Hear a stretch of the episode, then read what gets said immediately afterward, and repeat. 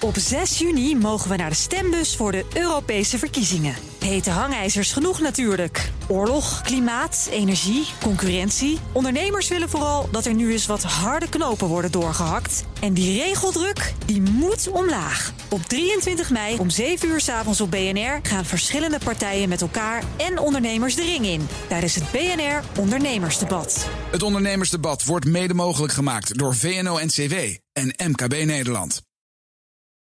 Auto-update. Ik wil dit in mijn auto, nou Broekhoff. Ja, ik ook. Twee setjes voor vier banden. Ja, hè? ik zoek 5000 piek. Net zo duur als mijn hele auto. Eh, van de Nationale Autoshow is Nout. Nout, koop geen nieuwe, maar rijd langer door met je oude auto.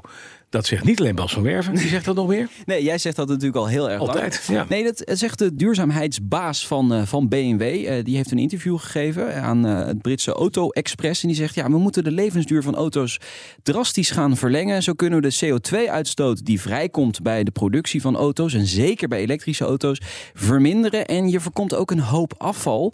Ja. Bovendien creëert het ook een um, after-sales model voor, voor automerken. Mensen kunnen namelijk na verloop van tijd een auto een upgrade eh, gaan geven. Bijvoorbeeld eh, door eh, nieuwe stoelen te plaatsen of een, of een nieuw stuur erin te zetten. Of een geüpdate navigatiesysteem. Ja, dat kan ook. Dat ja. hij up-to-date is. Ja, ja, ja. En, kijk, auto's gaan sowieso langer mee. Ze zijn veel betrouwbaarder. Maar vergeet niet, er komt ook iets anders op ons af. Het verkoopverbod verbod van fossiele auto's in 2035. Ik denk dat heel veel mensen hun oude auto gewoon lekker gaan oprijden. natuurlijk. Want een, een nieuwe elektrische auto is eigenlijk nog niet te betalen. Misschien dan wel beter. Maar ja, ik denk dat heel veel mensen toch eh, daarvoor gaan kiezen uiteindelijk. Ja, mijne van bijna 19 staat inmiddels op 200.000 kilometer. Best weinig. Ja. En die gaat nog jaren mee. Daar komt nog wel wat eh, bij. Dat dacht ik ook. Ja.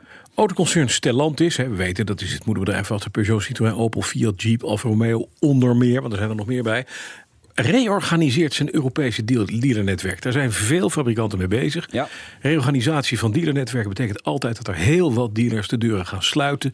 En dat er dus heel wat ondernemers ook gewoon hun eh, ja, winkelnering kwijt zijn. Ja, ja, de kogel is nu echt door de kerk. Ehm, eh, inderdaad, het, dealernetwerk gaat eh, flink op, op de schop. Ehm, eh, Stellantis heeft 14 merken. En ja, dat begint allemaal rond medio volgend jaar. in vier landen: Oostenrijk, België, Luxemburg en in Nederland.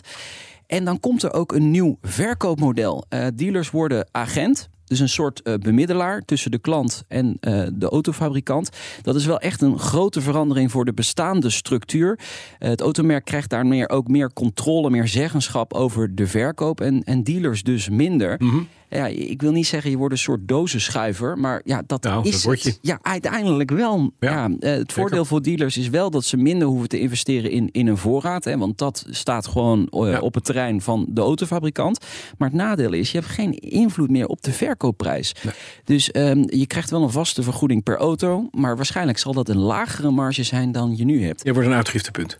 Eigenlijk wel, ja. En service, Ja. waarschijnlijk. En dan de veelgevreesde titel Auto van het Jaar. De finalisten zijn bekendgemaakt. Want we weten dat. Ja? Nou, zeker. Iedereen die een Auto van het Jaar eh, als fabrikant verkozen ziet, die weet dat het een verkoopflop wordt. Ja. Dus de, de afgelopen 40 jaar dat die, die, wat zeg ik, 60 jaar dat die prijs bestaat, wil laten zien. Want we kennen alle flops van de Auto van het Jaar verkiezingen. Het zijn allemaal auto's die het nooit geworden zijn. Nou, en het is een beetje Bijna. een treurig lijstje dit, Ja, eh, nou, dit kom maar op. Ja, eh, de zeven kanshebbers. De, de, de Jeep Avenger is, staat erop. De Nissan Araya en de Renault Austral. De Volkswagen ID Bus. Kia Niro, Peugeot 408 of de Toyota BZ4X wordt auto van het jaar. Ja, inderdaad, hele mooie naam is dat. Het is allemaal niet erg sexy, hè?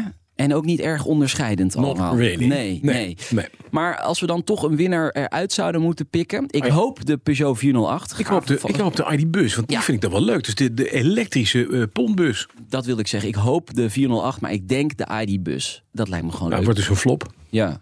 Als die het wordt. Jammer. Nou, ze hebben best veel bestellingen hoor. Maar eh, Ja, maar zeg niks. nee, maar dit zegt natuurlijk ook een klein beetje iets over het jaar. Hè? We hebben niet hele spannende modellen eh, gekregen. Nee. Nee, heel spannend. nee.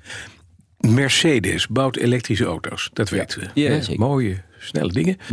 En die kunnen harder als je ervoor betaalt. Ja, er komt een abonnementsmodel in Amerika. 1200 dollar per jaar. Dan krijg je dus meer vermogen en trek je elektrische auto ook net even iets sneller op. Maar daar moet je dan wel voor betalen. gejat van Tesla. Die Die Ja. doen dit al. Ja, die hebben allemaal software-updates. Ja. Ja, Het punt Mercedes is dat, dat die autofabrikanten die leveren dus auto's die dat allemaal al kunnen. Dat zit Ja. er gewoon standaard in. Alleen jij koopt dus een auto waarbij iets uitgezet is. En tegen betaling kan je het aanzetten. Ja, het is, je betaalt eigenlijk extra voor een software aanpassing van de hardware. Ja. Die er al in zit. En ik heb al gezegd, als je naar Petrolheads deze week luistert, Ja. hoop ik dat hackers aller landen verzamelt u en haal deze gekte uit de markt. Want Ja. dit moet afgelopen zijn. Ja, je vindt het een zorgwekkende Ik vind het een zorgwekkende. trend. Ik vind, kijk, een auto is geen mobiele telefoon. Klaar. Ook al willen we dat eh, doen eh, geloven als automobielfabrikanten, dat werkt niet zo. Ik betaal voor die auto. Dat is mijn stukje vrijheid. Daar betaal ik geld voor. Als je daar wat in stopt, dan krijg ik dat van je. Dan moet je de prijzen maar verhogen. Het is een En dan niet een, software uitgekleed ding. Nee, donder op. Ze zijn aan het zoeken naar nieuwe verdienmodellen. Ja, ze doen lekker ze gaan de gang. Maar hackers alle landen, verzamelt u. Hacken die Mercedes. Mag jij dat? Mag je Het mensen heette, ja, maar je had vroeger. Nee, nee, niet natuurlijk niet. Maar je had vroeger, de naam zegt, dat misschien mag dat dan wel, mag wel. Vroeger had je een Mercedes, die heette de hekvlossen. Lijkt me een uitstekende nieuwe naam voor de elektrische Mercedes. Vanmiddag in de Nationale Autoshow, nou. We gaan even terugblikken op het Formule 1 seizoen. En eh, we gaan het hebben over de verkeersveiligheid. Het gaat echt, echt helemaal niet goed met de verkeersveiligheid in Nederland. En ik vind dat ook echt zorgwekkend. Het is een maatschappelijke plicht van ons, ook als BNR zijnde, om daar aandacht aan te besteden. Nou, dus dat vanmiddag om drie uur in de nieuwe aflevering van de Autoshow. Eh, en de podcast Petrolheads, daar kun je meneer Van Werven boos horen worden op abonnementsmodellen van automobielfabrikanten. En die staat iedere woensdag om vijf voor vier online. De auto-update wordt mede mogelijk gemaakt door Leaseplan. Leaseplan. What's next?